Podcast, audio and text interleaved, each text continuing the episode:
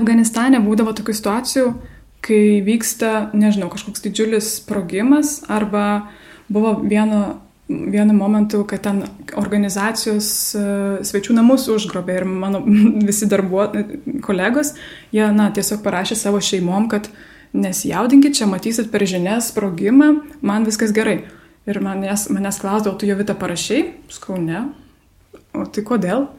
Nuskau, taigi Lietuvoje nieko nerodės apie tai.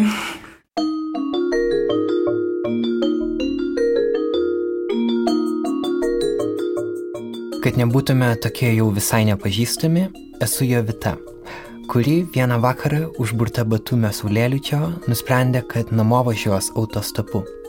Šitam keliavimo būdui visada teikiu pirmenybę ir nekartą taip keliavau, tačiau toks ilgas maršrutas - Gruzija, Lietuva, kurį nukeliavau viena pati, buvo pirmas. Tikiuosi ir ne paskutinis. Laisvė įkvepia. Prie laisvės lengva priprasti. Tai ištrauka iš Jovito Sandaitės kelionių dienoraščių ciklo Pakelės. Per jį, spausdinta dar 2013-aisiais portale Bernardinai LT, Jovitą ir atradau. Ji yra viena iš vos kelių lietuvių humanitarinių darbuotojų. Ir šiandien ji yra mūsų pašnekovė. Kartais išgirstu, kad, vat, nu jo, čia tu tą darai, aną darai, bet iš ma, man tai yra darbas, kuris man yra labai intensyvus dažniausiai, nes tai yra kažkoks trumpas laiko tarpas, metų misija tu turi per ta, tuos metus konkrečių daug uždavinių ir tau reikia ne tik, kad tuos uždavinius padaryti, bet juos padaryti visiškai tokiuose sąlygose, kur tu nieko nežinai, tau reikia susipažinti su naujais žmonėm, tau reikia juos palengti į savo pusę dažnai ir tai labai daug to, labai labai intensyvus darbas. Tas romantizavimas tada visai baigėsi greitai. Su jumis Karolis Višnauskas iš Nanuk, jūs klausotės Nailo podcast'o Vietos, kur kas savaitę bandome suprasti modernų pasaulį. Jovita trejus metus praleido Palestinoje, siekdama užtikrinti vandens tiekimą čia gyvenantiems žmonėms. Ji taip pat buvo išvykusi į misijas Afganistane ir Sierra Leone. Jovita dirbo su humanitarinėmis organizacijomis Oxfam ir Action Against Hunger. Užaugusi kaime prie Lasdyjų, šiandien ji yra apkeliavusi didelę pasaulio dalį. Aš užaugau labai e, mažam kaime, 50 žmonių gal, na, 49 dabar, nes aš čia sėdžiu? Šio pokalbio tikslas buvo ne tik sužinoti apie jo vitos veiklas, bet ir suprasti tą pasaulio dydį ir jo problemų įvairovę. Ir kartu ši daugiau nei valanda, kurią mes praleidome kartu, įparodė, kokie iš ties mes privilegijuoti esame gyvendami čia, saugoje Lietuvoje. Interviu ėmėme kartu su kolege, Nanukį kurėja fotožurnaliste Berta Tilmantaitė. Jos su Jevita buvo pažįstamas dar nuo pirmųjų savo žurnalistinių darbų laikų, tad nuo to ir pradėjome. Gero klausimo.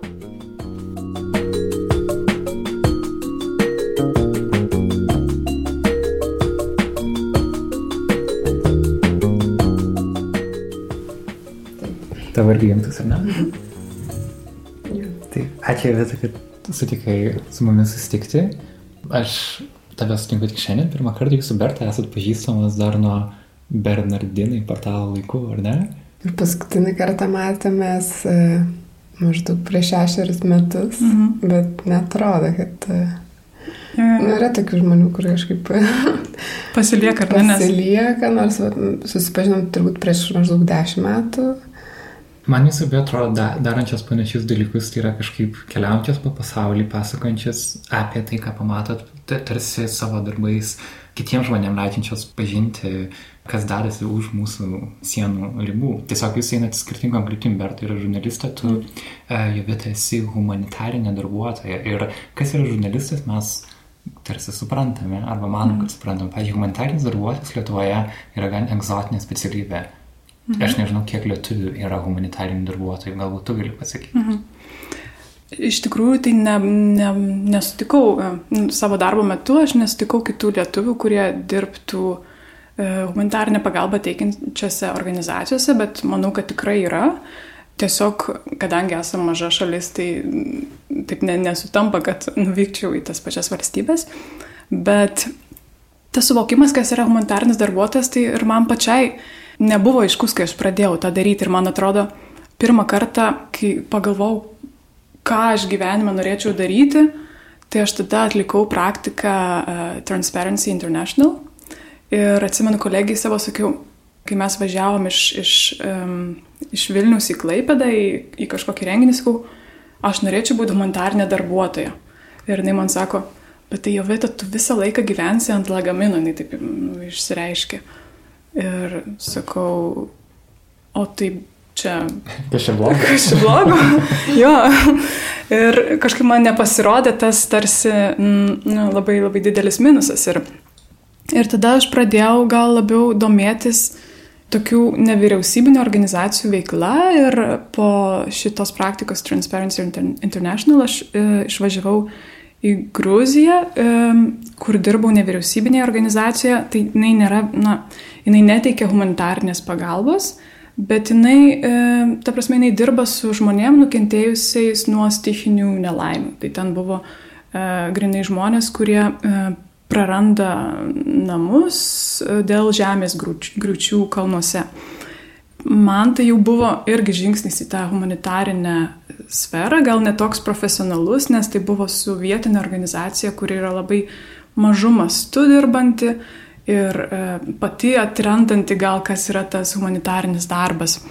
Bet, e, na, man atrodo, kad humanitarinis darbas, na, tai vėlgi yra nebūtinai darbas e, kažkokiuose karštuose taškuose, kur vyksta karas ir panašiai, bet tai yra apskritai reagavimas į bet kokią e, žmogaus kančią, jos mažinimas ir e, na, prisidėjimas prie to žmogaus orumo irgi išlaikymo, tų, tų sąlygų gerinimo. Tai vėlgi tai gali būti įvairūs kontekstai ir, ir, Ir toj pačioj, na, nežinau, Afrikos kažkokiose valstybėse, kur nevyksta e, kariniai konfliktai, tu vėlgi gali uh, teikti humanitarinę pagalbą, uh, nes vėlgi ten gal kažkokios yra problemos, nežinau, ar ten šalis yra nukentėjusi nuo stichinės nelaimės ir dabar jinai verčiasi per, eina per tą transformacijos kažkokį etapą.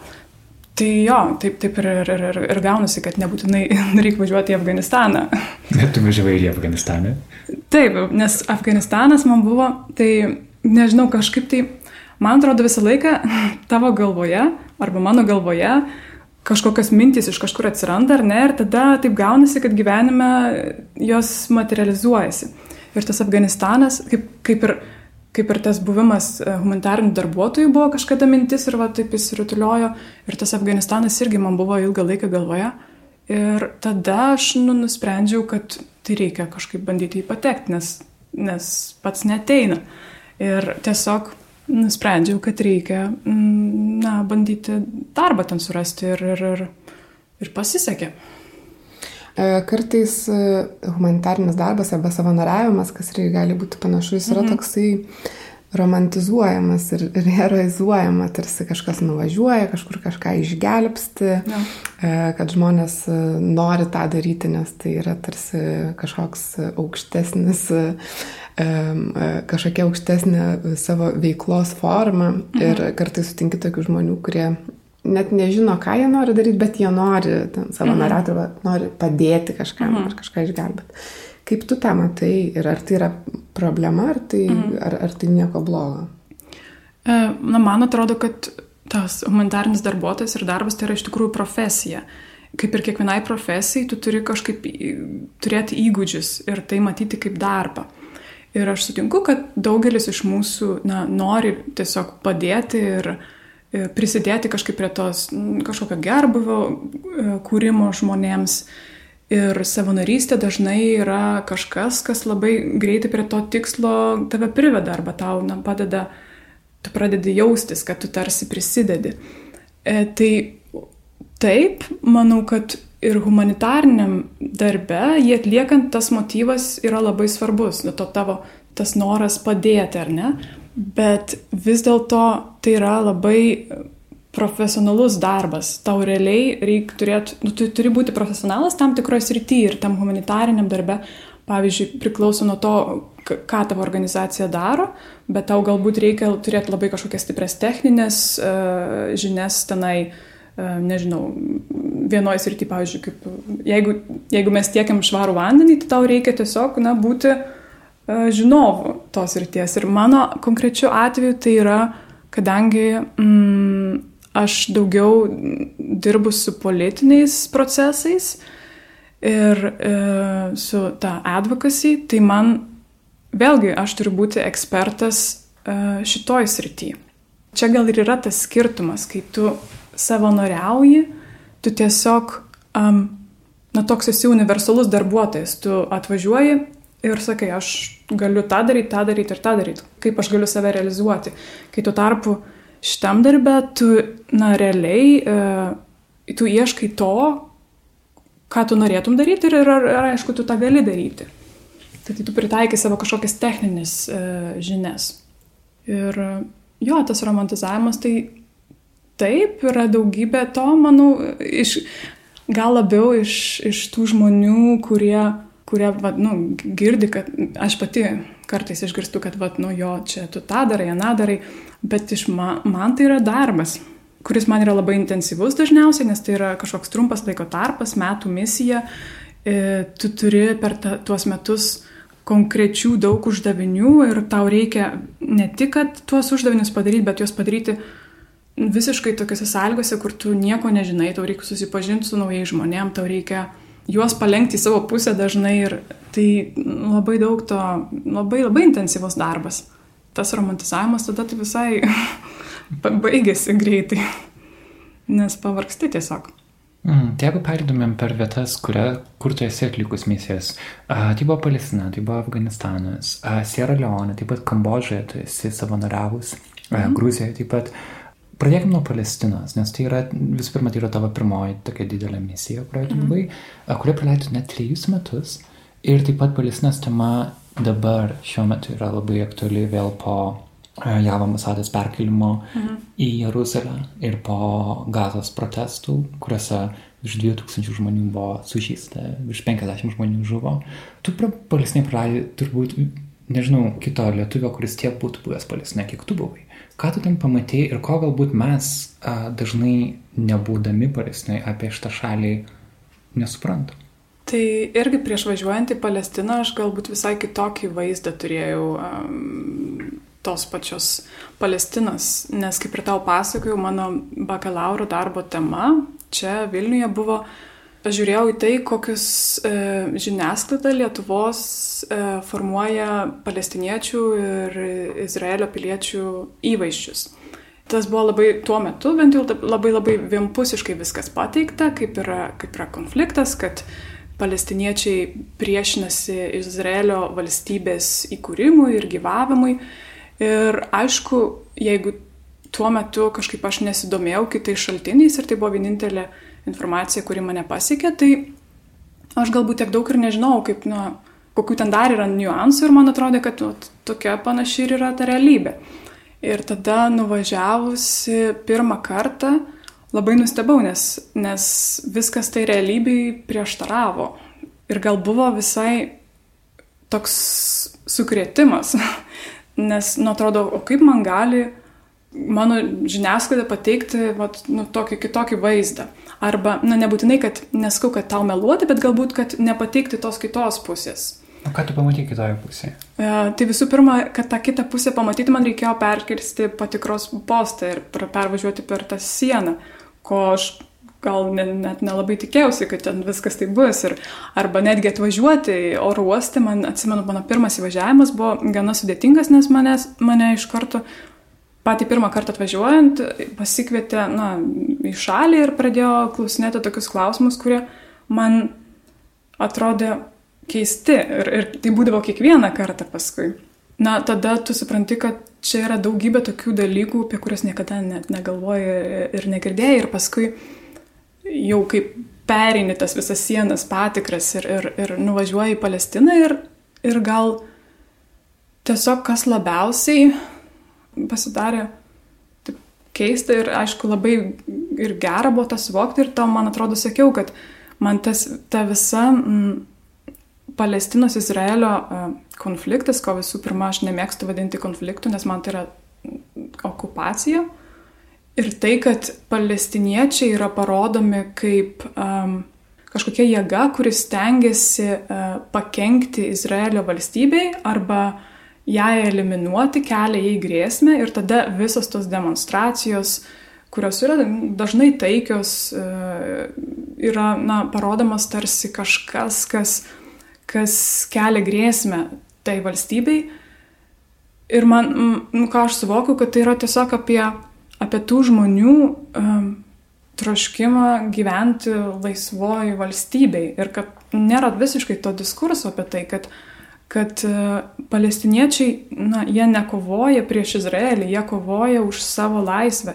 Ir bet kokiam kitam kontekste, man atrodo, tai būtų iškeliama kaip kažkoks didžiulis pavyzdys pilietinės visuomenės susivienijimas e, tam bendram tikslui ir, na, kaip ir, ir Pietų Afrikoje, ar ne, apartheido valstybei būna tas toks pasipriešinimas didžiulis ateinantis iš, iš tos pačios visuomenės. O, o, o ką mes matom Palestinoje, tai dažniausiai yra, na jeigu palestiniečiai protestuoja, tai vadinasi, jie, juos čia surinko Hamas į vieną vietą ir jiem, nežinau, liepia prisirinkti akmenų ir, ir protestuoti. Bet tai man yra visiškai ne apie tai ir mes nu, apie tai nekalbam, nes tas diskursas jau yra toks stiprus, kad čia yra grėsmė Izraeliui, kad jie nepripažįsta Izraelio valstybės ir taip toliau ir taip toliau, kas yra na, netiesa, žiūrint į, į tuos visus jų susitari, susitarimus ir, ir, ir dėrybas, kad išnyksta tas pats pagrindinis aspektas, kodėl jie ten tuos 70 metų renkasi ir protestuoja. Ir gaila, kad va, mes nematom to pagrindinio e, aspekto.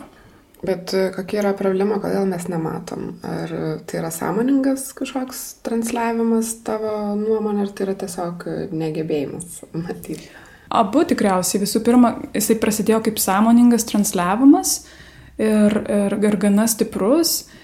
Ir nu, vien pavyzdys gal paties Izraelio, e, čia visai tinkamas, nes Izraelį kalbėti apie tai labai sunku, nes realiai tu netgi kalbėdamas su tais kairiai, kairiaisiais Izraelio piliečiais apie tai, kas vyksta Palestinui, tu paneigi viską, ką jie iki šiol žinojo ir, ir kaip jie buvo užaugę. Tu, nu, jeigu atsivertus jų vadovėlį, ten nėra vakarų kranto ar nėra Palestinos ir tu apie tai kalbi, tai realiai tas visos santvarkos na, tu labai daug sugriauni jų galvoje ir aišku, ne, aš pati tikriausiai nenorėčiau, kad man viskas taip man jie griūtų ir, ir natūraliai ateina tiek daug e, neigimo, tai tas, yra, tas nematymas yra sukurtas, bet kadangi jisai kažkada buvo sukurtas ir dabar jisai jau taip tampa dalimi viso, visos realybės, kad, kad labai sunku atskirti kažką kitą ir tiesiog, nu, tai tampa tokia tiesa, kuri labai tvirtai įsišaknyjus ir, ir, ir, ir taip nu, gyvuoja. Mhm. O tu įsivaizduoji kažkokiu tą konfliktą išsprendimą, nes um, paminėjai, kad Izraelį nėra mokoma vaikai apie Palestinos istoriją. Mhm. Lygiai taip pačiai Palestinai nėra mokomi vaikai, pavyzdžiui, apie holokausto istoriją. Ir buvo um, NPR dalytas vienas podcastas, tokia Hidden Brain vadinasi, mm. ta laida, kur, kuri pasako apie vieną Palestinos profesorių, kuris norėjo savo studentus palestiniečius nuvežti į Lenkiją, į Aušvicą ir parodyti, tarsi parodyti, kad mes kenčiam, bet štai e, kokia buvo žydų istorija ir kažkaip bandyti tą dialogą užmėgsti. Mhm. Ir kai jisai grįžo, jis buvo pasitiktas kaip, na, kaip išdavikas praktiškai ir dabar jis gyvena Amerikoje jis, ir jam tai buvo kaip, nu, jo gyvenimas tarsi sugriuvo, nes jis kovojo už palestiniečių laisvę ir jis mane, kad jis daro teisingą dalyką, bet patys palestiniečiai to nepripažino. Ir tada, žinai, tai yra vienas iš Izraelio pusės argumentų, kad kaip mes galim priimti juos demokratiškai, jeigu jie mūsų nepriima demokratiškai. Mhm. Ir tada um, tiesiog matant visą šitą kontekstą ir kiek tos, kiek toli abi grupės yra viena nuo kitos, tu matai kažkokį realų būdą joms susikalbėti. Mhm. Geras klausimas. realų būdą joms susikalbėti. Aš manau, kad dažnai manęs klausia, o kodėl palestiniečiai nesikalba su Izraeliu?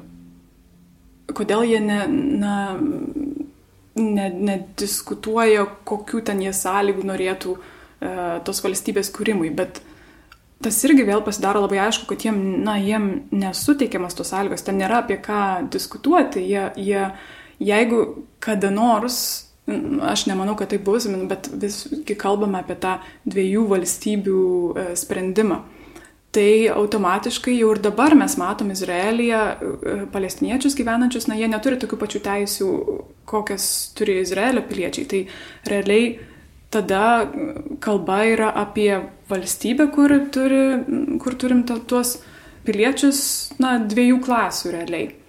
Tai aišku, kad palestiniečiai nenori tokios, tokios santvarkos, tokios valstybės ir jie jai nepritarė. Ir, ir tada, na, jie tiesiog nenori apie tai diskutuoti.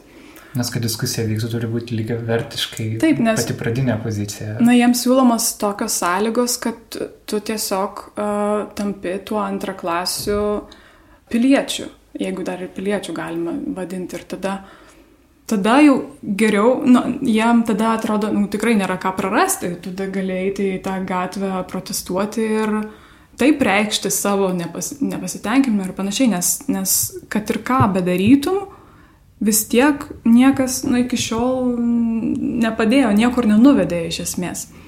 O tas, kaip tu sakai, um, kad ir iš palestiniečių pusės yra kažkoks e, na, nepritarimas ar nenorėjimas, uh, nežinau, mokytis apie Izraelio istoriją ir panašiai, tai man atrodo, bent jau Taip kaip anksčiau palestiniečiai gyveno, e, palestiniečiai ir, ir žydai toje teritorijoje dar prie, prie, prieš Izraelio valstybės įkūrimą, tai nu, gali būti labai puikus pavyzdys, kaip jie, jie gyveno kartu. kartu sugyveno ir kaip jie ir šiuo metu žydai gyvena, e, na, nes tada prasideda ta diskusija, kad čia apskritai yra apie islamą ir judaizmą kad šitos dvi e, religijos nesugyvena. Tai tada, na vėlgi, tu pasižiūri tą patį Maroką, kur, kur ir žydai, ir, ir, ir, ir šito islamo religijos išpažinėjai gyvena kartu arba tam pačiam Irane. Ir, ir na, aplinkinėse valstybėse yra tokių daugybė pavyzdžių ir na, man tai yra labai aiškus patvirtinimas, kad tai nėra apie,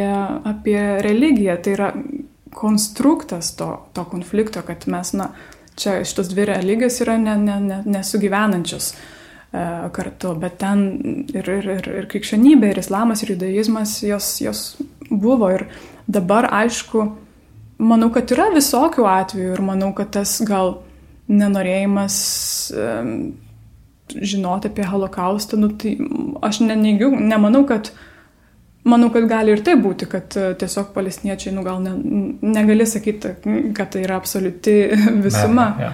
bet manau, kad gal ir yra tokių atvejų.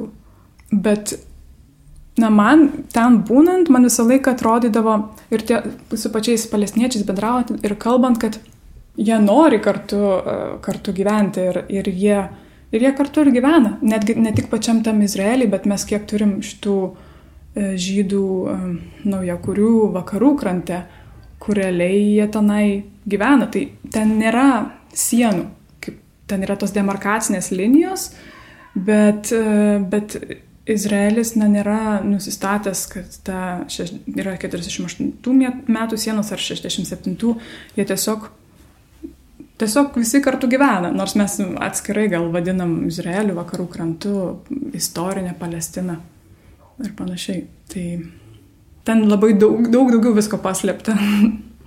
Mm, aš ten nesenai buvau ir man kažkaip toks buvo jausmas ir įspūdis, kad tai ko gero sudėtingiausia ir komplikuočiausia vieta, mm. kiek aš esu bent mm. buvus pasaulyje. Kaip tau atrodo buvus kitose vietose, mm. kokios yra kitur situacijos, kur tu dar dirbai ir kaip tau tai atrodo? Turbūt Afganistanas yra ta vieta, kur atrodo, kad ten tarsi sprendimų, bet kur pasisuksi sprendimus lengvus neįmanoma rasti. Mm. Gal tau atrodė, kad tu ten buvai metus? Aha. Bet dar paminint apie Palestiną, kai tu sakai, kad tai yra na, vieta, kur um, iš tikrųjų labai sunku tą sprendimą rasti, bet man atrodo yra vienas gana toks teigiamas aspektas, kad tai yra vienas iš konfliktų, apie kurį gal labiausiai kalbama pasaulyje jis daugybę metų tęsiasi, bet jis nėra užmirštas. Kai tuo tarpu toje pačioje Afrikoje yra daugybė konfliktų, apie kurių niekas nežino, kurie yra gana krūvini ir niekas į juos nesikiša ir leidžia jiem tai būti. Kai tuo tarpu nu, ties šitų klausimų yra labai daug um, diskusijų ir, ir tas yra, manau, gerai, gal jos nėra tiek efektyvios ir visą tai, ką mes, ką mes galėtum padaryti, gal galėtum padaryti daugiau, bet, bet yra nu, gerai tai, kad, kad mes apie tai žinom ir toj pačioj Lietuvoje mes žinom apie Palestiną, man atrodo, daug daugiau negu žinom apie Afganistaną. Ir man tada atsimenu, kai Afganistane būdavo tokių situacijų, kai vyksta, nežinau, kažkoks didžiulis sprogimas arba buvo vieno vienu momentu, kad ten organizacijos uh, svečių namus užgrobė ir mano visi darbuo, kolegos, jie, na, tiesiog parašė savo šeimom, kad nesijaudinkit, čia matysit per žinias sprogimą, man viskas gerai. Ir manęs, manęs klausdavo, tu jau vitą parašiai? Skau, ne. O tai kodėl? Nuskau, taigi Lietuvoje nieko nerodės apie tai. Dabar, nu, ne, nebus jokių žinių. Ir niekada mano, mano tėvai niekada manęs neklausė, ar tau viskas gerai, nors būdavo tokių gana didelių uh, įvykių. Tai vėlgi čia, nu, yra. Bet jeigu kažkas įvykdavo Palestinai, tada jau jie klausdavo, ar tau gerai. Palestinai jau kažkaip pasiekdavo juos. Nes pamatydavo per žinias. Jo. O kodėl tu manai, kad yra pas mus tas dėmesys, kodėl mes ten skiriam dėmesio, kitur ne? Mhm. Gal vis tiek na, istoriškai taip susiklostė, kad Palestina mums yra arčiau, aišku, yra ir tas e, na, Lietuvos ryšys su, su, su žydais, su holokaustu. Ir apskritai šitas konfliktas Europai e, yra gana um, įdomus ir, ir, ir daug apie jį kalbama Europos mastu ir mes daugiau vis tiek orientuojamės į tas panašias naujienas, kai tuo tarpu Afganistanas net ir pačioj uh, Europoje jau jisai yra pamirštas kaip beviltiška problema, kuri ta situacija niekaip nesikeis. Ir yra labai sunku kontroliuoti, kas ten vyksta ir toj pačioj, na, dirbant toj, toj, toj pačioj humanitarinė organizacija kaip Palestinai, ar ne, teikiant kažkokią pagalbą, e, sakykime, iš e, europietiškų organizacijų, tai tu gali gal aiškiau kontroliuoti ką tu nori, e, ką tu nori nuveikti, kai tu tarpu Afganistane ten daug kas gaunasi, na, tau reikia bendradarbiauti su, su jų valdžia, dėl to, kad tu net, nu, kitaip negali patekti į tam tikras teritorijas, bet tada tu automatiškai, e, tu daug ir investuoji tą bendradarbiavimą su valdžia ir, nu, tu mažiau kontroliuoji, kokią pagalbą, kur tu galėsi teikti. Dėl to gal Europai mažiau įdomu kas ten vyksta. Ir mum automatiškai, kad, nu, kaip Europos dalį. O kaip iš tikrųjų ten yra, iš tikrųjų beviltiška ir, kaip, kaip sakai, kad atrodo, ar kaip tu matai mm. Afganistaną nu, keli, keli, keliarių metų perspektyvoje?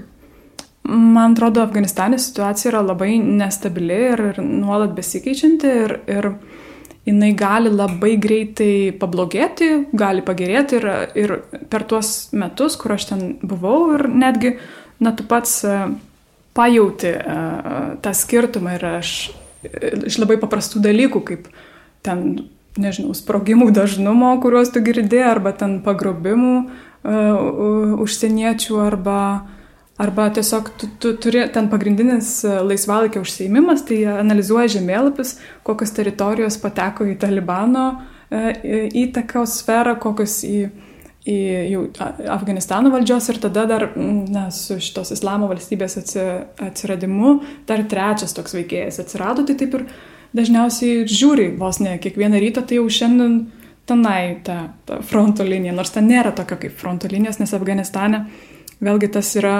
specifiška, kad, uh, kad tas Talibano infiltracija arba Islamo valstybės infiltracija jinai yra visur. Ir todėl labai sunku um, pasakyti, kur yra saugu būti, kur yra nesaugu būti. Nes tai gali būti visur. Tai, tai irgi toks gal pavyzdys gyvenimo ten yra tiesiog, kad tu labai daug laiko praleidi Besislapstydama. Besislapstydamas, jo. Na, nes nes uh, tu pati net negalėdavai, net vairuotojai jūsų negalėdavai pasakyti, kur jūs būnat, mm. ar ne, kad jis, nes jis irgi galėdavo būti galbūt užverbuotas, perduoti informaciją, kad tu realiai nieko negali pasitikėti Afganistane. Jo, arba gali būti jo e, šeima pagrobta ir jam, pavyzdžiui, grasina, kad jeigu tu mane atveši dabar to ir to žmogaus, tai aš tavo, tu nematysi savo šeimos. Ir... Bet ar tau buvo kas nors atsitikę? Mm, Afganistane man, na, ne, ta prasme, buvo tokių momentų, kai sėdi darbe ir įvyksta sprogimas ir man ant kompiuterio nukrito lubos, pavyzdžiui, bet jas net manęs nukrito. Ir tada mm, tu supranti, kad buvo čia kažkas labai arti, nes ten viskas išbirėjo, labai reikia greitai reaguoti ir, ir tu tam esi apmokytas, tu žinai, kad tau dabar reikia, turi minutę nubėgti iki šito mm, to jau kambario, kuriame slėpiesi ir tada lauki, kol paaiškės, kas čia sprogo, kur čia sprogo. Ir pasirodo, tą kartą sprogo miesto kažkur pradžioj e, autobusiukas pilnas sprogmenų. Tai realiai buvo tenai tas taikinys e, Amerikos e, kažkokios karininkų dirbtuvės, bet kadangi jis buvo toks stiprus, tai na, visur tu jį galėjai jausti. Ir tame ir yra Afganistano specifika, kad na, šitos humanitarnės organizacijos nėra taikinys. E, pavyzdžiui, Talibanas kiekvieną pavasarį jie, par, jie paskelbė savo oficialių taikinių sąrašą, kad e, mes šiais metais, na, prieš šitus, šitus, šitus, šitus kariausim. Ir jie oficialiai teigia, kad mes ne, na, į šitus humanitarnės pagalbos darbuotojus nesitaikom ir organizacijos gali atlikti savo darbą. Bet kaip yra didžiausia grėsmė Afganistane, yra patekti į netinkamą vietą netinkamų laikų. Tai realiai um, visos tos atakos dažniausiai organizuojamos taip, kad kažkas tai prisikrauna į mašiną sprogmenų ir važinėja į mieste, uh, kol pamato uh, kokį nors uh, ten vadinamą high profile automobilį valdžios ar ten, nu, tikriausiai valdžios, nes dažniausiai jie, jie, jie prieš juos kovoja. Ir tada jį detonuoja. Ir tai nutinka dažniausiai tokiuose vietose, kur tu šiaip yra daug žmonių susibūrę, kur yra kažkoks transporto kamštis prie oro uosto dažnai ir tu gali ten labai laisvai patekti. Tai kad e, sumažinti tokią riziką, tu dažniausiai nevažinėjai niekur. Bet tokiamis sąlygomis dirbdama, ką tu realiai gali pasiekti? Pavyzdžiui, praleidai metus Afganistane, mhm. misija tarsi baigta, kai jau vertini misijos rezultatus, mhm. ką realiai gali padaryti, jeigu tu turi nuolat savo saugumu, visų pirma, mm. rūpintis ir ar tai humanitarinis darbas, tai kokia prasme tuomet jo? Man atrodo, kad Afganistane iš visų mano misijų mano pasiekimas buvo konkrečiausias ir pats didžiausias man. Čia buvo visų metų darbas, bet tai buvo susitarimas pasirašytas tarp Afganistano um, valdžios ir ES, ir ES, sakykime, dėl to, kaip ateinančius penkis metus uh, jie skirs uh, humanitarinę pagalbą Afganistanui ir kokiems sektoriams. Nes pirmas uh, Afganistano valdininkų siūlymas buvo labai paprastas, jie, jie, jie sakė, kad visus pinigus investuos į gynybą, į uh, institucijų kūrimą, į ginkluotės didinimą ir panašiai. Ir, ir tada na, mes pamatę tokį dokumentą, pandemija pasakyti, kad ne, iš tikrųjų, žiūrėkit, jūs turit problemų su sveikatų sistema, su švietimu, su daugybė, daugybė dalykų, kuriuos čia būtina įrašyti į šitą planą, nu ir tada tu vėlgi gali, kai jau jie tenai yra, tada tavo darbas yra, na, sekti ir, ir žiūrėti, kad iš tikrųjų jie pildytų tas, tas susitarimo sąlygas tada darbas vyksta taip, kad tu įtrauki labai daug pilietinės visuomenės, nes tu kaip mm, humanitarinė organizacija ar kaip apskritai užsienietis, nu, negali to reikalauti iš, iš jų valstybės, tu turi per kažkokią tai pilietinę visuomenę veikti. Ir galiausiai, nu, čia taip apibendrinant, kad, kad jie įtraukė tas mūsų sąlygas į, į susitarimą ir, ir yra tam tikras procentas, kurie jie pinigų, kurį jį prižadėjo e, na, skirti tai sveikato sistemai ir švietimo sistemai. Čia konkrečiai mūsų reikalavimas buvo.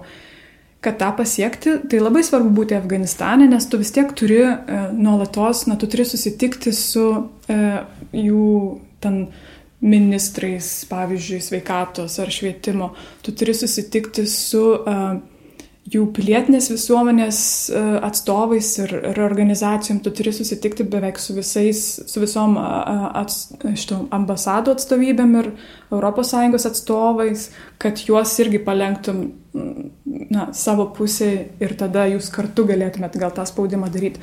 Tai tas buvimas, aišku, labai, labai svarbus ir jis ne visą laiką pavyksta. Yra tokių labai juokingų istorijų, kaip Kaip pavyzdžiui, atrodo, tau reikia ten būtinai būti labai svarbus susitikimas ir ateina mano vadovas, sako, tu nevažiuosi jo vietą. Kodėl aš nevažiuosiu? Nes dabar tuo keliu, kur tau reikia važiuoti, mes gavom žinių, kad Talibanas nori pagrobti Vokietijos pilietę. Ir sakau, bet tai ašgi ne iš Vokietijos, Lietuva nemoka jokių išpirkų, negrobs manęs. Sako, žinau, bet gali, yra tikimybė, kad sumaišys, supainios jūs. Pagalvos, kad tu vokietė. Ir nu, negali tada atrodo, ir taip, nu, bet čia svarbu tai buvo. Tai vienas dirbti tarsi įmanoma su tam tikrais uh, trukdžiais ir kliūtim, mm. bet koks yra, net jeigu tau nieko neatsitiko, lubas nenukrito, nepagrobė, nesumaišė, kaip ir viskas gerai, E, bet gyventi toj nuolatiniai įtampoje ir žinojime, kad kažkas gali atsitikti, kad tu mm. gali atsidurti netinkamai vietoj, kaip tai veikia e, psichologinė būsena ir, ir savijauta.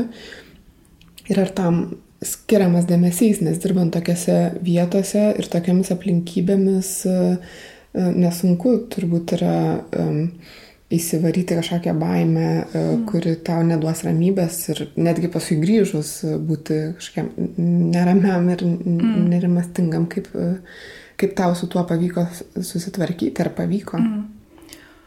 Nu, man atrodo, būnant ten, kažkaip man gerai pavyko su tuo tvarkytis būdavo ten visokiausių sapnų, kad tave pagrobė ar panašiai, nu, tai tikriausiai iš pasąmonės vis tiek kažkaip ateina ta baimė, Nors realiai aš niekada nesijaučiau e, nesaugi Afganistane, nes aš labai pasitikėjau to, tos e, organizacijos reikalavimais ir, na, manau, kad jie, na, ir yra vienas iš tų kriterijų, kad jie turi turėti gana platų tinklą tų pačių vietinių, kurie tave informuoja, ko, kur galima judėti, kur negalima, kada, kokiamis va, valandomis, bet realiai tai yra kažkas, kas kinta, tai tu negali kaip ir nuspėti. Tai yra visą laiką ta, ta, ta baimė. Bet Afganistane man buvo toks jausmas, na, kad kažkas vyksta, tu girdi sprogimus dažnai, tu, tu nuolat girdi tuos NATO naikintuvus kas 10 minučių. Tai tu esi tokioje erdvėje, kur žinai, kad kažkas vyksta aplink tave, kažkoks pavojus, bet pats aš jaučiausi, nu, kad tai tarsi toli nuo manęs ir, ir, ir man taip, man, man niekas nenutiks. Bet manau, kad tas atsiliepia gal labiau, kai išvyksti. Nes išvykus gal tada tu leidi savo pats atsipalaiduoti. Ir, ir tada taip jau viskas pra, prasideda. Ir man atsimenu, gal ir iki šiol yra, pavyzdžiui, man būdavo baime, kad ten nuėjus į kokį nors koncertą Europoje, kad, nu, čia dabar susibūrimo žmonių, man negalima būti žmonių susidūrimuose, reiškia, čia yra aš puikus taikinys. Ir, ir nes, nes tau tikrai, bet tas yra labai aiškiai pasakyta, jokiais būdais negali būti žmonių susibūrimuose ar tenai, jeigu, na, įvairių tai taisyklių yra ir tada tu atkreipi dėmesį, kai jau nesi tenai arba tas pats vaikščiojimas gatvėmis yra labai naujas dalykas po, po Afganistano. Jo, tada susimastai, o čia galiu eiti į šitą miesto dalį ar negaliu. Tai kai tam būni gal mažiau, bet manau, kad tas, na, psichologinis aspektas ir labai svarbu rūpinti savo psichologinę sveikatą. Ir, um, na, organizacija suteikia tam galimybės, tu gali uh, kreiptis į psichologą visos savo misijos metu arba po misijos, kiek, na, tai yra nemokama pagalba, kurią kurie jie tau užtikrina. Realiai tave vežiuojant į misiją tikrina psichologas, tu turi pokalbį su juo, kad galėtų patvirtinti, ar tu tinkamas tai misijai ar ne. Ir po misijos irgi jisai su tavim, na, jūs kalbatės ir jisai padaro išvadas galbūt, ar rekomenduotų tave kitai misijai ar ne. Ir manau, tas yra labai svarbu. Ar tu patyri, kad šalia tavęs arba Afganistane, arba Palestinoje mirtų žmogus. Um, ar tu su tuo susidūrė? Mhm. Palestinai taip, nes aš kai atsikrausiu į Palestiną, e, aš sugalvojau gyventi pabėgėlių stovyklai, nes labai norėjau išmokti arabų kalbą ir pagalvojau, kad čia bus puikia proga. Ir dar norėjau šiaip suprasti tą problematiką, tai aš atsikrausiu į tą pabėgėlių stovyklą Kalandijos. Ir man atrodo, po trijų mėnesių mano gyvenimo ten, na, ten būdavo nuolatiniai reidai e, Izraelio į tą stovyklą naktį, tiesiog jie areštuodavo žmonės. Ir, ir vieną rytą jie kažkaip tam buvo tie, jo, tokie jauni, nepatyrę kareiviai. Ir jie gana tą rytą labai, labai vėlai atėjo, kai žmonės jau pradėjo įdinėti į darbus, nes jie dažniausiai ateina anksčiau, ta prasme, naktį labiau. Ir tada įvyko pasipriešinimas, kai jie norėjo e, kažkokį tai vaikiną areštuoti. Ir tas pasipriešinimas baigėsi tuo, kad buvo, man atrodo, 20 Aš tiesiog išgirdau šūvius, e, šiaip kažkokius tai bildesius, nes ten kažkas skalbimo mašiną numetė iš, ne, neturėjau kaip prieš juos kovoti, tai skalbimo mašiną užmetė ant kareivą, kad 21 žmogus buvo nužudytas ir aš atsimenu, aš nesupratau, kas vyko, aš tik girdėjau šūvius, bet aš išėjau į kiemą kažkodėl. Ir e, tada, jo, pamačiau šalia manęs gulinti kūną. E, ir Ir atsimenu tik tai, kad buvo šalia, na, bandė privažiuoti e, šitas medikų automobilis ir jie jo ne, neleido Izraelio, jau tada buvo daug ten Izraelio kareivių ir jie, tas žmogus tiesiog, na, jis tikriausiai buvo miręs. Bet, na, nežinau, ar ta mirtis buvo konstatuota medikų. Aš klausiu to, nes prisiminiau tavo vieną tekstą, kuris buvo spausdintas Bernardinuose 2014 metais po tada įvykusių gazos atakų. E, tai buvo paviešintas tavo, tu tavo pačios valia paviešintas privatus laiškas tavo draugė, kaip suprantu, kurioje tu rašė apie situaciją gazoje. Ir e, tiesiog pacituosiu tave. Bijau suvokti, kokie nevertingi pasauliu yra šių žmonių gyvenimai. Ir kaip tu ir minėjai, kad toje situacijoje, kurią apibūdai dabar, žuvo 21 žmogus. Tiesiog. Ir turbūt Afganistane gyvent, kada įvyksta, pavyzdžiui, sprogdinimas, žmonės gali žūti tiesiog atsitiktinai, nieko dėti, absoliučiai. Ir tai galbūt yra daug labiau, natu, sakyk, nežinau, natūralus dalykas gyvenant tose sąlygos, negu, pažiūrėjau, gyvenant Europoje, kur mes, kad ir vieno žmogaus žūtis, tai yra kažkas, kas tavo visą gyvenimą sujaukia, labai tu, negali, tu nemanai, kad tai gali įvykti. Gyvenant tose zonose, tai atrodo kaip vos ne kasdienybės dalis. Tai man įdomu tavo požiūris į žmogaus gyvybę, ar jis kažkaip pasikeitė Ar supratai jos trapumą galbūt? Mhm. Aš tik tai save pataisysiu, gal, um, kai sakiau, 21 buvo sužeistas ir 3 žuvę. Taip, aha. Nežinau. Bet kokia atveju 3 žuvę mhm. žmonės šalia tavęs. Taip. Bet tai ir dažniausiai tose, tose kraštuose, kaip Palestinoje ar Afganistane, na, mes taip pasakom skaičių. 3, 6, kai žmogus žūsta, nežinau, Lietuvoje arba Europoje, mes dažniausiai pasakom apie jį, jo vardą, pavardę, istoriją, o ten tarsi tokie būna, na, žmonės be istorijų, kurie yra tiesiog skaičiai ir, ir kasdienybės dalis. Vieną dieną šeši, kitą dieną gal trys ir panašiai. Ir, ir ne tik Palestinoje, ir tam pačiam Afganistane, jeigu tuo metu man būnant, aš atsimenu, vidurkis per dieną būdavo sprogimų 11 vien tik kabulė, tai tu nežinai, kiek, kiek sužeistų ir kiek žūna per tą, per tą dieną, bet mes skaičiuojam taip kažkokį statistinį vidurkį jau.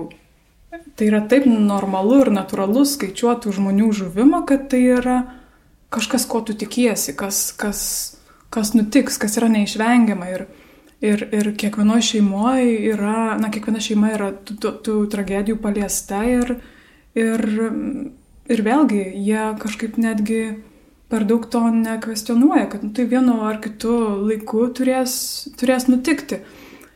Ir man, man visą laiką atrodė, kad aš tada jaus, jausdavusi, kaip man pasisekė gimti Europai, kur žmogaus gyvybė yra labai vertinama ir, ne tiek iš tos, e, šal, nu, iš, iš to aspekto, kad va, mums pasisekė, nes ne, nėra dabar tų karų ir panašiai, bet na, mūsų tėvai gyveno karo laikotarpiu, bet apskritai, kad, kad ta, tai gyvybė yra suteikiama tiek daug vertės ir, pavyzdžiui, netgi jeigu tu sergi, tai tu, nu, tu ten gydaisi ir, ir, ir, ir, ir tu kažkaip bandai. Galimybių turi. Jo, turi ir galimybių, ten gal, ten netgi čia labiau, pavyzdžiui, Sierra Leonai, netgi ir susirgus kažkuo, tu net negali gauti mediko pagalbos, nes arba jų nėra kvalifikuotų, arba nėra netgi klinikos. Arba ten moteris vėlgi gimdys namie, nes nėra klinikos, arba jai reikia eiti iki jos 12 valandų. Tai tada man jau automatiškai tu tarsi nuvertini to vaiko gyvybę, nes jis gali tas gimdymas ir nepavykti. Bet tai nėra ten, na, aš bandydavau įsijausti tų žmonių, žmonių mąstymą ir jie tikrai nenuvertina tos gyvybės, jiems tai yra taip natūralu, kad čia yra vienintelis būdas, kaip nu, būti ir kaip mes dabar galim gyventi. Tai yra ne apie jų nuvertinimą, bet apie jų kitos, kitų galimybių gal neturėjimą, kurios mums atrodo Vat, nu, taip labai uh, keistai. Tarkim, sveikatos apsauga man atrodo visiškai natūralus dalykas. Jeigu aš susirgau, mm. turi būti kažkas, kas manim pasirūpins. Mm. Bet kaip keičiasi tavo pačios pasaulio suvokimas, matant jo tas visas kitas pusės, aš E, pavyzdžiui, irgi esu nekartą pagalvojus, kaip man pasisekė gimti ten, kur aš gimiau ir mm. turėti visas galimybės, matant gyvenimus sudėtingesnėse šalise arba šalyje po žemės drebėjimo arba po, po šokio karo. Ir man kažkaip apimdavo didžiulė neviltis ir kažkoks beprasmybės jausmas, kad taip yra, net galbūt kažkoks kalties jausmas kartais. Mm. Kaip tau keičiasi tas pasaulio suvokimas, matant jo įvairias pusės ir ir pačios Lietuvos suvokimas to pasaulio kontekste. Mhm. Man gal nebūdavo tiek daug to beprasmybės jausmo, nes man atrodo, jeigu jis būtų, aš negalėčiau gal to savo darbo dirbti, nes man visų pirma tada atrodydavo, kad jo, dabar yra čia tokia situacija ir aš kažkaip galiu prisidėti, kad jinai pasikeistų. Ir man buvo labai svarbu atrasti tą būdą, ką aš galiu padaryti konkretaus sprendimo nėra ir galima prie to sprendimo eiti labai ilgai ir labai sudėtingai. Jeigu ten, na, jisai, pavyzdžiui, Sieraleoniai būtų susiję, žmonių mirtį susiję su, su sveikatos sistemos nefunkcionavimu arba ten nuolatinėmis lygų plitimais, tai realiai man tada, man automatiškai įsijungia mąstymas, mhm, gerai, tai kaip aš galiu prisidėti, kad to nebūtų? Ir man tada netgi atvirkščiai, man, nu, aš, aš jaučiuosi, man tai labai, man tai suteikia daug jėgų ir, ir tokio, negaliu sakyti, kad man mirtis įkvėpimo suteikia, nes tai būtų neteisinga sakyti, bet man labai e, suteikia daug kažkokio tikėjimo, kad aš galiu prisidėti prie, prie tos situacijos keitimo. Ir Lietuvoje manau, kad e, na vėlgi, daugiau per savo tą prizmę, e, kaip keičiasi pasaulio suvokimas, tai man grinai tas, kad labai aš jaučiuosi, kad man pasisekė čia gimti. Ir, ir turėti visą tai, ką turiu, ir apskritai visiems žmonėms tai pasisekė. Kad, kad būtent, kad yra sėkmės momentas. Tai, kad mes gimėme Europoje, kažkas gimė Sierra Leone mm. ar kažkas gimė Afganistane, tai nėra joks mūsų nuopelnas. Tai tiesiog mm. atsitiko. Ir galvo, tas atsitiktinumas lemia tiek daug tavo gyvenime.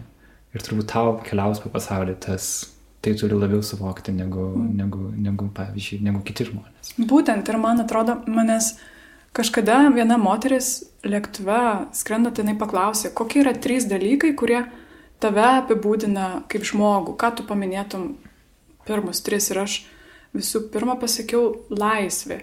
Ir kai laisvė, aš turiu omeny, na, sprendimą galimybę rinktis ir galimybę daryti sprendimus. Ir, ir, ir tas gimimas e, Lietuvoje ir Europoje man tas suteikia, nes aš galiu rinktis skristi Afganistaną ir tenai kažkuo prisidėti prie tų, tų žmogaus kančios mažinimo, bet aš galiu lygiai taip pat nuspręsti, kad man per daug ir aš turiu tą privilegiją atsirasti toj savo saugioj zonoje ir, ir, ir, ir saugioj vietoje. Ir, ir viską permastyti ir tada nu, pasirengti gal kažkokiam kitam e, naujam žingsniui.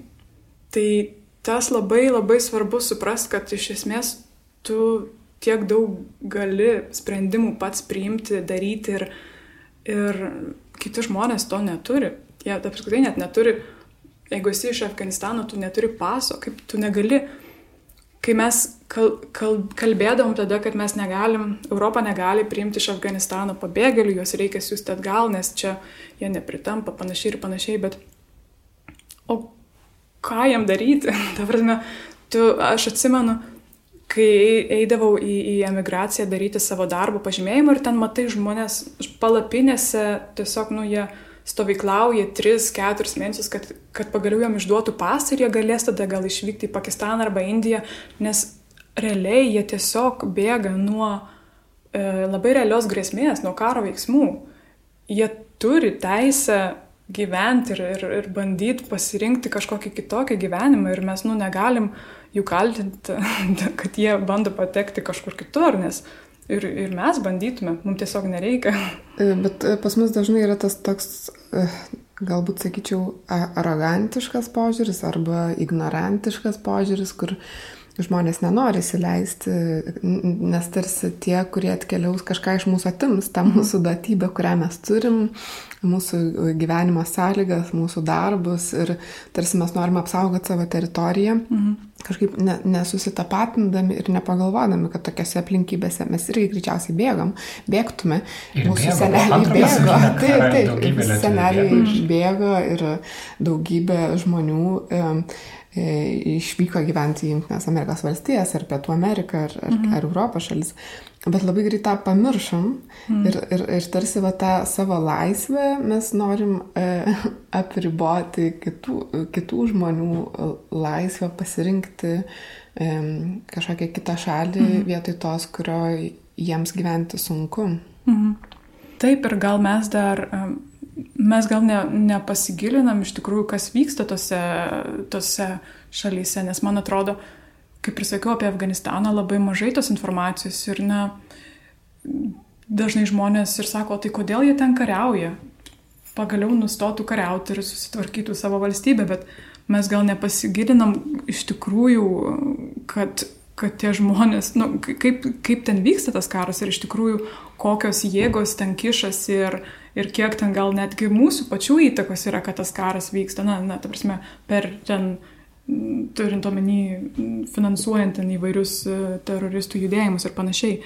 Tai gal tiesiog mes priimam tai kaip Nu, čia vos ne iš, iš, iš tos serijos, kad kažkas pasakė, kad užsieniečiai, nežinau, atims darbus ir panašiai, bet, bet o kaip iš tikrųjų, kokiamis sąlygomis jie gyvena, mes dažnai pamirštam pasigilinti arba nenorim. Arba net, nenorim, nes ir taip patogu gyventi ir mm. tas žinojimas apsunkintų, suvokimas, kas kur vyksta, jis apsunkina ir tu tada galbūt nebegalėsi taip laisvai mhm. uh, spręsti ir žmonės kartais pavengia. Aš esu pati girdėjus, kai bandai paaiškinti ar papasakoti, ai, nenoriu aš mhm.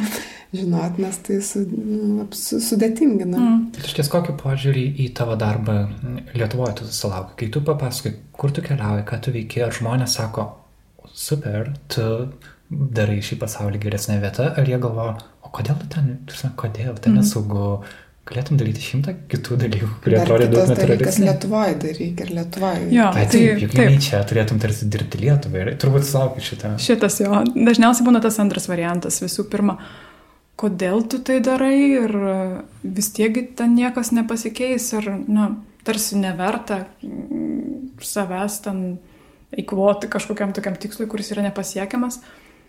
E, arba kitas būna, o kodėl, tai kodėl Lietuvoje to nedarai? Ir, na, man tai būna toks, galvomis, nu, man tai nėra apie Lietuvą ar apie Afganistaną, ties, ar, tai yra tiesiog veikla, kuri, kurią aš darau dėl to, kad, na, aš turiu to, to, tą instinktą kaž, kažkokią būti tos pagalbos dalimi ir, ir, ir, ir daryti tą patį pasaulį geresnę vietą gyventi žmonėm. Tai nebūtinai Nebūtinai Afganistanas, galbūt bus ir Lietuva, aš nesakau, kad nebus. Bet, e, na, automatiškai būna visą laiką e, gal tokia kritika, kad e, tu lietuvė, tai tu turėtum Lietuvoje dirbti. Nu, savo šaliai. Taip, nėra to bendra žmogiškumo suvokimo, mm, su... kad žmogus nelabai svarbu, kuris mm -hmm. yra. Kokios tautybės, religijos ar, ar rasės tas žmogus mm. jo.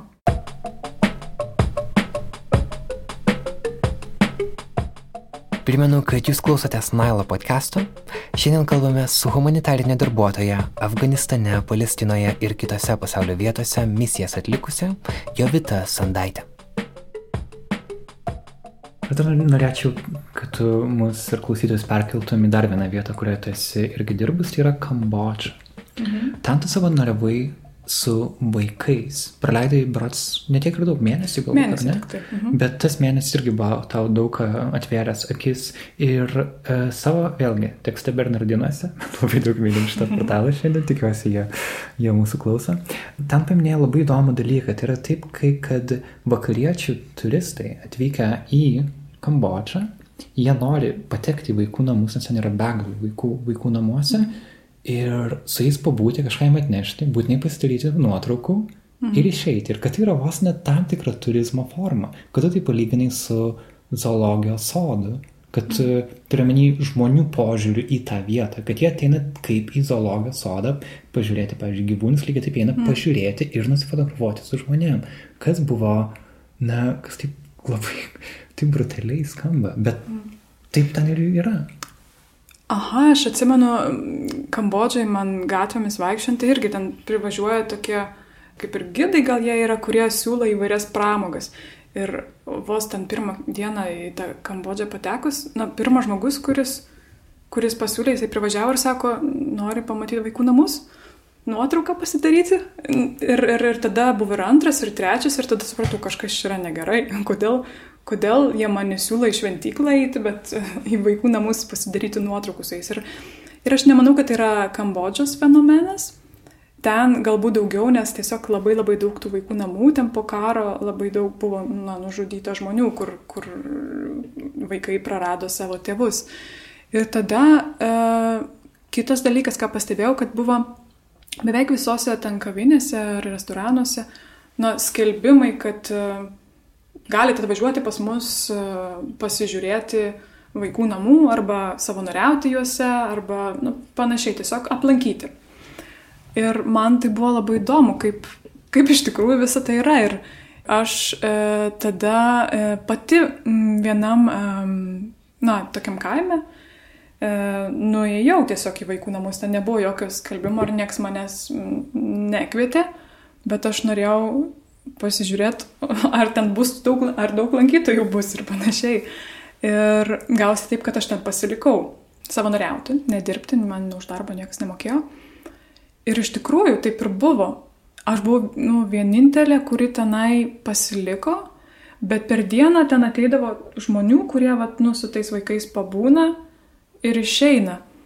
Ir man atrodo, gal čia prisiliečia prie tos temos, kur tu sakai, kad, kad humanitarinis darbas ir savanorystė tai tarsi yra kažkokia, na, romantizuojama idėja ir gal daugeliu žmonių atrodo, kad va tu atėjęs į tuos vaikų namus, tu gali jam duoti kažkiek laiko su savim ir tai jau, na, tu jautiesi pats geriau tikriausiai. Dar tikriausiai. gali parodyti kitiem fotografijas jo. ir pasakyti, kad tu savanoriavai tam, kad e, pademonstruotum savo, Savo- mhm. gerumą, savo gerumo poziciją, e, kas tarp e, tų žmonių, kurie iš tikrųjų tuo užsima ir to darbu, e, tą kelia klausimą, ar tu savanoriautum, jeigu negalėtum pasidaryti fotografijas. Mhm. Nes daž, kartais netgi tai būna ta paskata tiesiog pa- pademonstruoti. Jo, ir man atrodo, kad tas labai taip, tas ten nu, gaunasi toks kažkoks nesveikas suvokimas tų vaikų namų ir tie patys vaikai, jie žino, kad ateis lankytojų ir jie žino, kad nu, jie gali paprašyti iš jų ten to, to ir to ir, ir jie labai labai, labai nesveikai tą žiūrėjo, kad vat, nu, jie ateina kažkokie tai uh, lankytojai, jiem duoda saldainių ir išeina ir jie žino, kad jie gali to tikėtis ir laukti kiekvieną dieną. Ir jau buvo, žinojo, kaip tas nuotraukas daryti, linksmas ir tai nelinksmas. kaip normalų dalyką, bet. Taip, nes, bet nu, jie yra tam ištreniruoti. Jo. Ta prasme, Tai visiškai iškreipia santykių žmogišką tiek su užsieniečiu, tiek apskritai su žmonėmis, tiem vaikam. Mhm. Ir jiem, ko gero, bus labai sunku gyventi vėliau. Taip, išėjus iš tų, iš tų vaikų namų.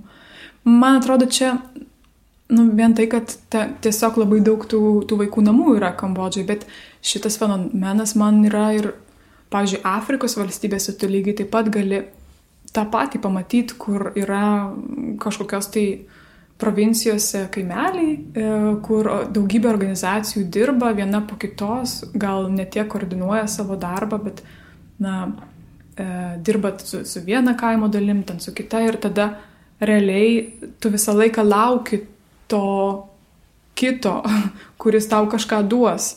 Tai panaš, kažkoks panašus konceptas. Tai yra ne vaikų namai, bet tai yra bendruomenė, kuri priima tuos svetimšalius, e, praleidžiusiais kažkiek laiko, jie pastato e, stendą, kad mes čia pastatė mokyklą, nusifotografuojam ir, ir išvažiuojam. Ir, ir tai yra, nu čia irgi tas į humanitarinių e, organizacijų daržas toks akmuo metamas, nes Nes nu, man atrodo, kad tai nėra vien mokyklos pastatymas, kas yra svarbu.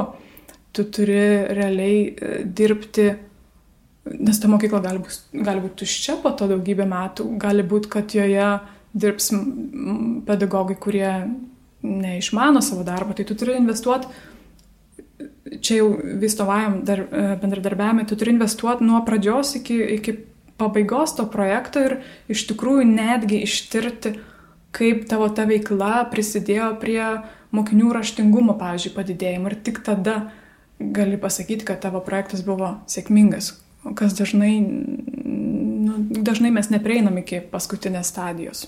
O matai kažkokių tamsiųjų pusių ir tokių problemų humanitarinio tai darbo sferoje apskritai, tarkim, brangus biurokratinis aparatas kai kurių didžiųjų organizacijų mm. gali būti, kuris suryja labai didelę dalį pinigų, kurie galėtų būti skirti pačiai mhm. pagalbai.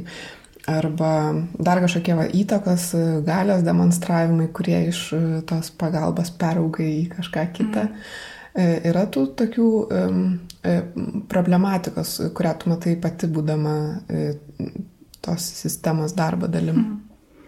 Man atrodo, gal svarbiausias yra ta koordinacija tarpusavį, nes labai dažnai nutinka taip, kad Na, humanitarinės organizacijos turėtų veikti pagal humanitarinius principus. Ir vienas iš jų e, yra tas, kad mes turėtumėm reaguoti e, ir dirbti tose vietose, kur žmonėm labiausiai reikia tos problemos. Bet yra atvejų, kai e, mes dėl vienu ar kitų priežasčių taip nedarom. Dėl to, kad, pavyzdžiui, ten nesaugu arba, arba dėl to, kad, e, pavyzdžiui, mūsų politiniai kažkokie interesai yra kitoje e, šalies dalyje. Tai man atrodo, ta koordinacijos problema yra svarbi, nes dažnai mes duplikuojam vieni kitų darbą. Pavyzdžiui, vieni tam, nežinau, kaime pastatė mokyklą, kiti irgi pastatys mokyklą, nes reikia tokią įtakos sferą turėti. O kad, sakykime, geriau gal būtų buvę, e, kad mes investuosim, nežinau, į tos mokyklos funkcionavimą, ten mokytojų parengimą ir panašiai, nes kita organizacija neturėjo pinigų tam pabaigti. Į tos jau kitos jo. organizacijos pastatytą mokyklą. Taip labai, to, labai retai būna, nes mm -hmm. tu, nu, ten yra ne tavo zona, tarsi tu pasidalyji. Tai tarsi yra konkurencija tarp humanitarinių organizacijų. Taip bet yra. Sujungus jėgas galėtum daug daugiau padaryti. Taip, žinoma, bet, bet dažnai būna sudėtinga tą daryti. Ir yra dabar, man atrodo, labiau randasi ten įvairios, nu, tokios bendros, netgi sukūriamos tie forumai bendri, kur tu bandai koordinuoti tą darbą ir, ir kažkaip bendrai daryti. Bet nu, ne, viso, ne visose vietose taip, taip yra. Ir man atrodo, kad čia yra pagrindinė problema, kad yra tas konkuravimas ir jisai automatiškai veda prie e, koordinacijos nebuvimo.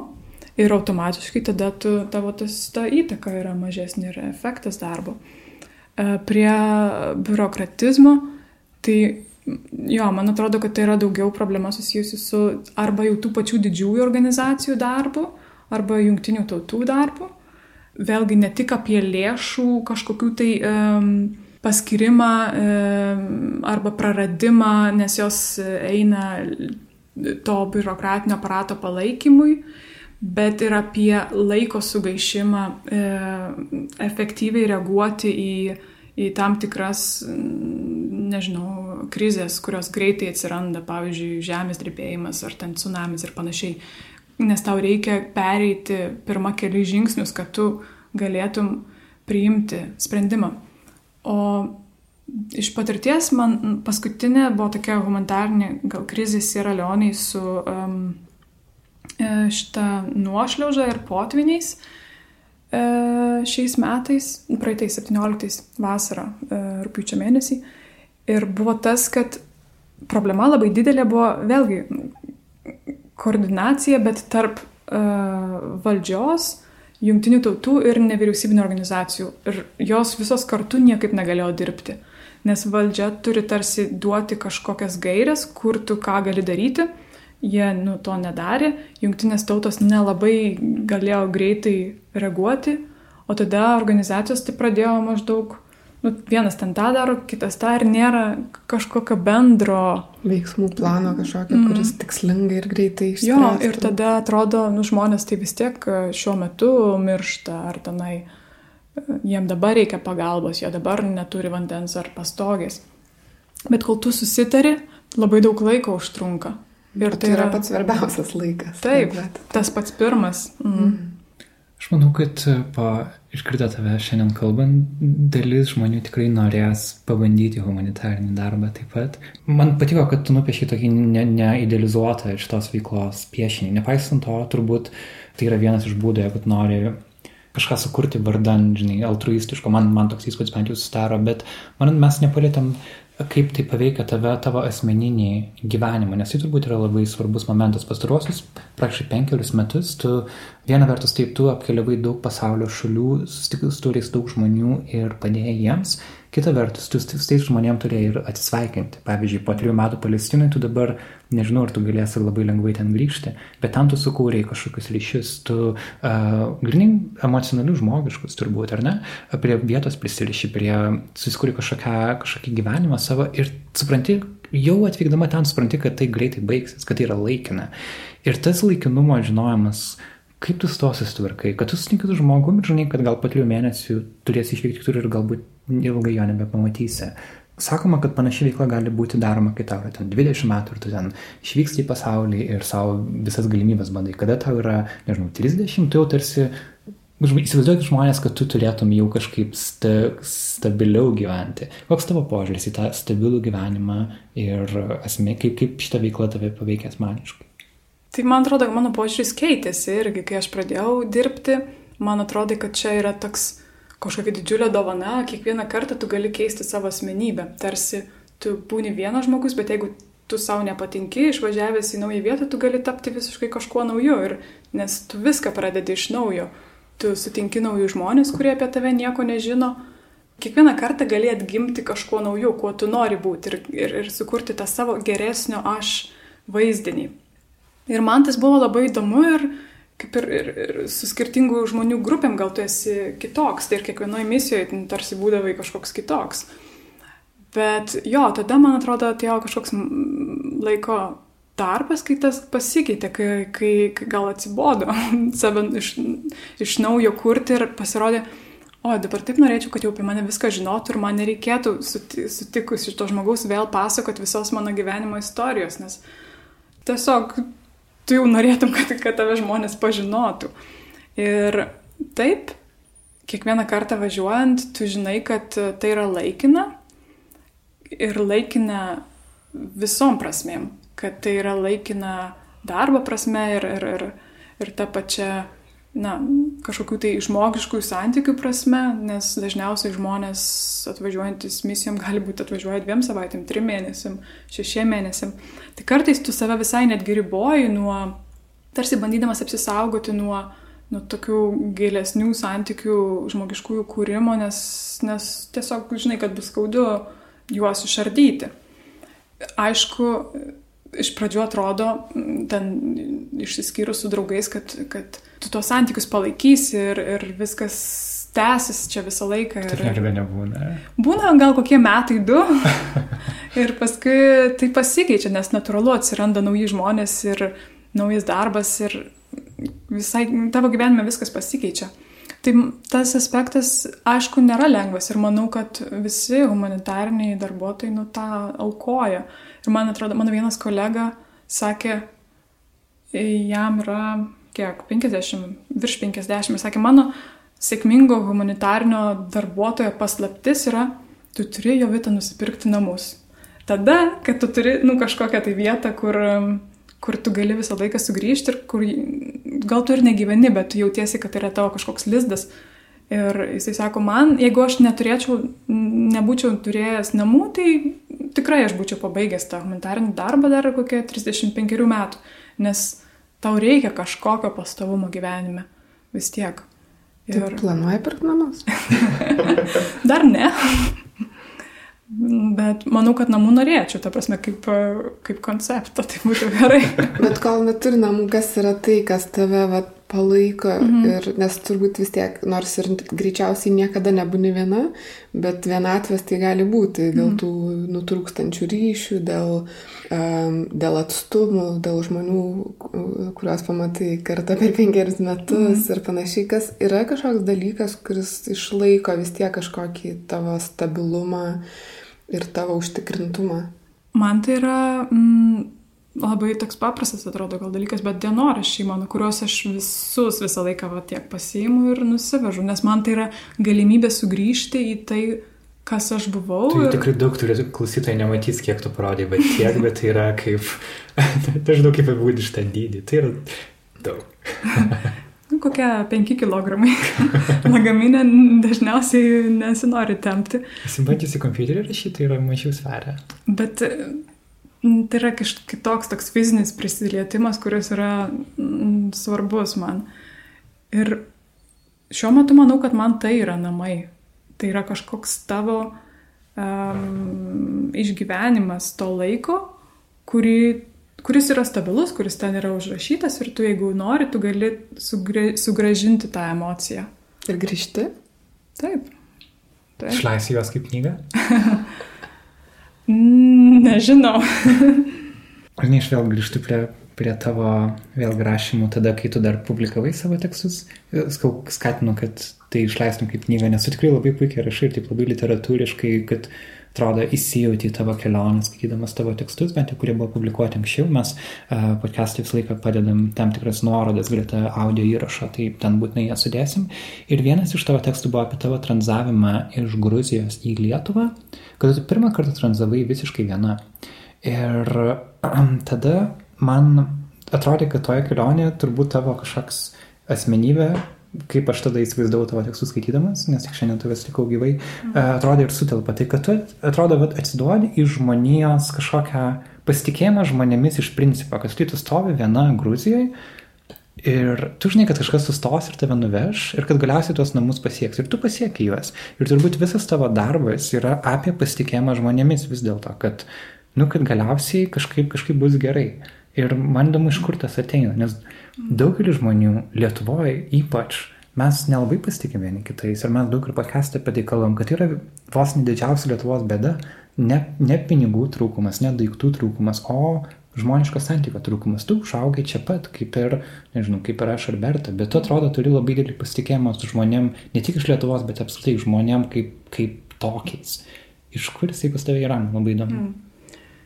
Man irgi įdomu, bet iš tikrųjų taip ir yra. Aš, ir, aš tikrai labai pasitikiu žmonėm ir man netgi nekyla klausimų, man tai yra taip natūralu, kad, kad viskas bus gerai ir galų gale viskas susiklostys taip, kad, kad arba aš kažkam padėsiu, arba man kažkas padės. Ir galvojant, galbūt tai susijęs su tuo, kaip aš užaugau. Aš užaugau labai mažam kaime, 50 žmonių gal na, 49 dabar, nes aš čia sėdžiu, tai, tai kur atsimenu, kai mano močiutė išeidavo dirbti į laukus ten vasarą, tai mes niekada nerakindavom durų, bet jinai uždėdavo e, per duris taip įstrižai šluotą.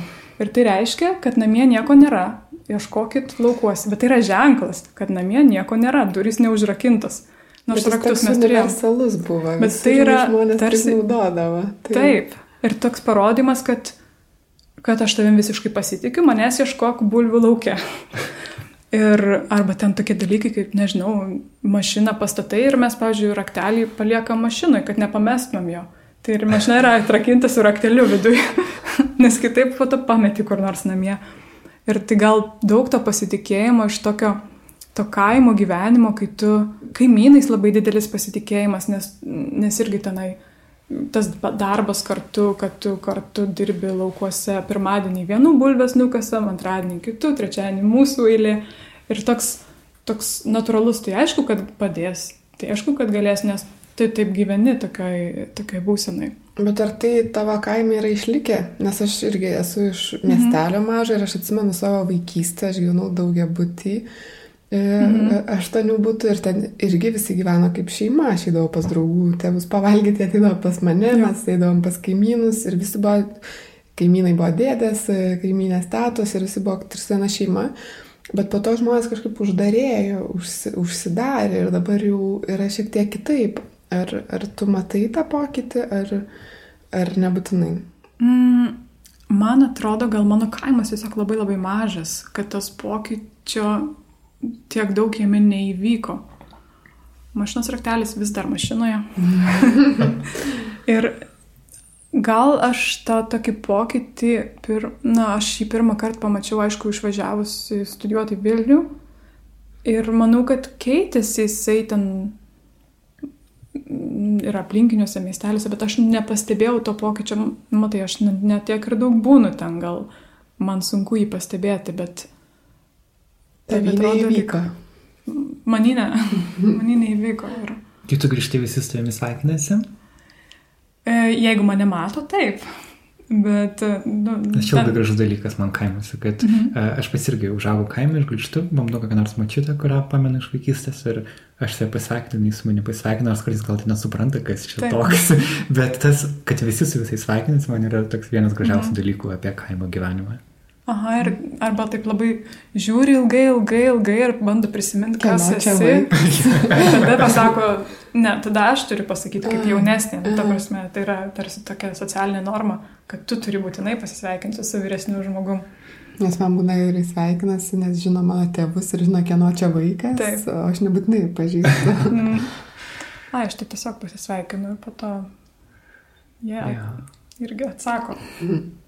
Tavo trumpas patarimas žmonėm, kurie nori gyventi taip, kaip tu gyveni? Ką jam reikėtų daryti žmogui, jaunam, galbūt, nežinau, moksleiviui, studentui, kuris mm. norėtų būti, kuris norėtų dirbti humanitarinėse misijose irgi, nuo ko pradėti?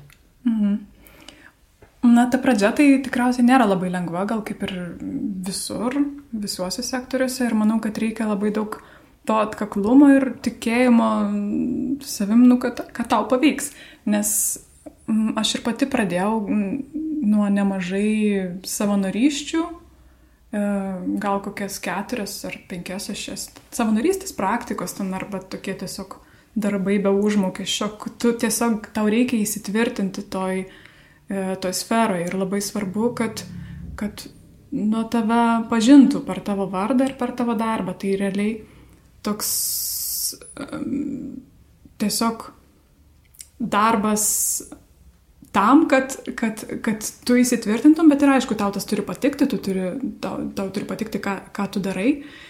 Ir, ir paskui kažkaip taip, man atrodo, po mažą, mažą žingsnį ir, ir gaunasi, kad, kad atsiranda tie pirmi darbo pasiūlymai ir tada tiesiog labai svarbu, kad, nu, tiesiog tu turėtų duoti, ką, ką gali geriausio, dirbdamas tam darbe. Ir, ir kartais gal sunku tą daryti, nes esi situacijose, kur atrodo beviltiška, nėra jokio sprendimo, bet, bet jeigu prisidedi, kiekvieną dieną žengi tokį mažą žingsnį ir, ir, ir, ir, ir, ir kažkaip priartėjai, man labai, aš kažkaip labai daug supratau, e, eidama kamino e, per, per Ispaniją, kur man pradžioj, kai pradėjau, atrodė neįmanoma, kad aš pasieksiu tą Santiagą. Ir Ir paskui gal kai buvau vidury, nes aš kiekvieną dieną užsirašydavau, kiek kilometrų nueidavau ir taip sudėjau, sudėjau ir atrodo, o, geras, tai čia jau aš be pusę kelio nuėjau. Ir, ir svarbu, kad tu kiekvieną dieną tą darai, tiesiog apie tai nepagalvoji ir po to kažkaip sustoji, apsidairai, kad iš tikrųjų viskas vyksta. Tai ir humanitariniam darbė reikia tiesiog daryti. Ir, ir po to susideda viskas savaime, taip į vieną liniją. Aš atsimenu, mes va, prieš dešimt metų, kai dirbam kartu ir dalindavome savo tais planais ir mhm. norais, ir tu tada tik tai dar važiavai ruošiai įsivažiuoti studijuoti artimų rytų studijų mhm. į Daniją, man labai buvo sunku suvokti, ką tu norėsi daryti ir ką tu darysi su tuo, nes jau tu tada apie tai kalbėjai. Tada mes buvom susitikusios prieš šešerius metus ir mes jau kalbėjom apie tai, kas įvyko per mhm. tą laiką ir ką tu vėl planuoji daryti, kas irgi atrodė labai įdomu. Ir va, šiandien vėl kalbam ir tu pasakai apie tai, kad tu turėjai tuos tarsi tikslus galvoj, kad tu turėjai, ką tu dabar turi savo galvoj, kokius tuos tikslus, kurie greičiausiai e, materializuosis, mhm. planus ir kažkokius norus. Mhm. Tai aš manau, kad mano galvoj, gal tie tikslai ne visą laiką yra labai labai aiškus ir man pačiai. Tai yra kažkokia kryptis ir noras prisidėti, nežinau, prie, prie, prie, prie kažkokių veiklų, bet jie taip kristalizuojasi juos bedarant, nes man atrodo ir tada tu atrandi, o čia yra tau ar, arba, arba ne tau. Ir man niekada nebuvo tragedijos, kad jeigu man nepatinka, aš galiu, nu, kaip ir su knygo, pavyzdžiui, jeigu man knyga nepatinka, aš ne, neskaitau iki galo, kaip ten kiti turi būtinai pabaigti knygą. Ne, yra šimtai knygų, kuriuos aš galiu perskaityti ir jos yra daug, uh, daug geresnis. Ir, ir netgi, netgi, man atrodo, jeigu tu net nežinai, kur tu nori būti už tų penkių metų, tai ir nelabai svarbu, kuriuo keliu eisi. Nes, nes bet kuriuo atveju mm, man patys sprendimai nėra svarbus. Man svarbu, ką aš po to su tais sprendimais darau. Ir jeigu aš nusprendžiu važiuoti į Afganistaną, tai jau yra mano sprendimas. Ir tada kaip aš ten jausiuosi ir ką aš pasieksiu, tai yra grinai priklauso nuo manęs. Ir, ir, ir, ir dabar man, na, nu, aš, ta prasme, aš tikiuosi ir noriu tęsti tą humanitarinį darbą, tik galbūt atrasti jame daugiau stabilumo. E, kaip tą padaryti, tai yra klausimas. Ir vėlgi yra tam tikrų idėjų, kaip tą galima būtų daryti, nes ir tas pats humanitarinis darbas gali būti atliekamas iš vienos vietos, bet kažkokias tai trumpas misijas vykdyti ir tada vis tiek būti vienoje vietoje. Tai tos mintys, aišku, kristalizuojasi, bet nu, jos nėra labai aiškios šiuo metu, bet kažkokia bendra idėja yra. Ir, ir kažkokius kodinius žodžius. Kai po penkių metų susitiksim, pažiūrėsim, kas išėjo. Manau, ir aš nustepsiu. bus nesusitikim po penkių metų. Ačiū tau, Jovita, labai. Ačiū dabar vasara bus kaime. Taip. O paskui ar padidinsiu kaimo populiaciją. Iki 50. Skaitysi, maudysies. Skaitysiu, važinėsiu dviračiu ir tiesiog džiaugsiuosi ir vat, žalia pieva, medžiais ir mėlynų dangum. Ir, ir lietum. Ir lietum. Skaitysi grožinę literatūrą ar profesinę? Ne, profesinę neskaitysiu, grožinę skaitysiu. Ką skaitai dabar? Šiuo metu aš bandau skaityti rusiškai. Oh, wow. Bet uh, man sunkiai sekasi. Aš tiesiog skaitau uh, Dostojevskio idiotą, bandau rusiškai skaityti labai, labai. Nes aš ruošiuosi kelioniai uh, per Rusiją traukiniu ir pagalvojau, kad man reikia pagerinti rusų kalbos žinias prieš tai. Dėl to, kad jis pasiėmė idiotą. Taip. Nu, bet reikia nuo sunkaus pradėti. Ja. Ačiū, Vitalai. Ačiū.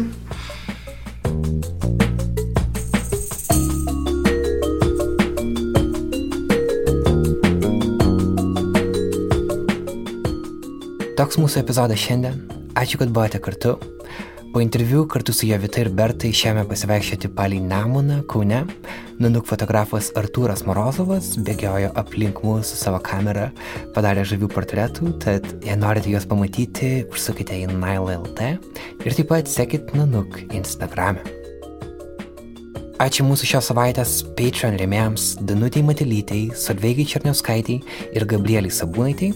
Jūsų pristėjimas leidžia mums kurti toliau, tai yra nuostabu, ačiū Jums labai, patreon.com pasvirasis brūkšnys Nanuk multimedia. Toks yra mūsų kampanijos adresas. Kviečiame prisijungti ir palaikyti Nanuk veiklas ir podcastų veiklas. Ir dar viena maža naujiena, kurią vis priminsime epizoduose. Mes pradėjome Nanuk naujienlaiškį, Jo adresas yra nanukelta pasvirasis brūkšnys subscribe. Kiekvieną savaitę vis siūsime teminės nanuk žurnalistikos medžiagas, pažadame, jų nebus daug, jas nebus nuobodžios, jas nebus vertos jūsų spamo katalogo. Šį epizodą producavau aš Karolis Višnauskas, garsą tvarkė Kata Bitoft, o muziką rašė Martinas Gailius. Sustikime kitą antradienį. Gražios savaitės jums, rūpinkitės vieni kitais.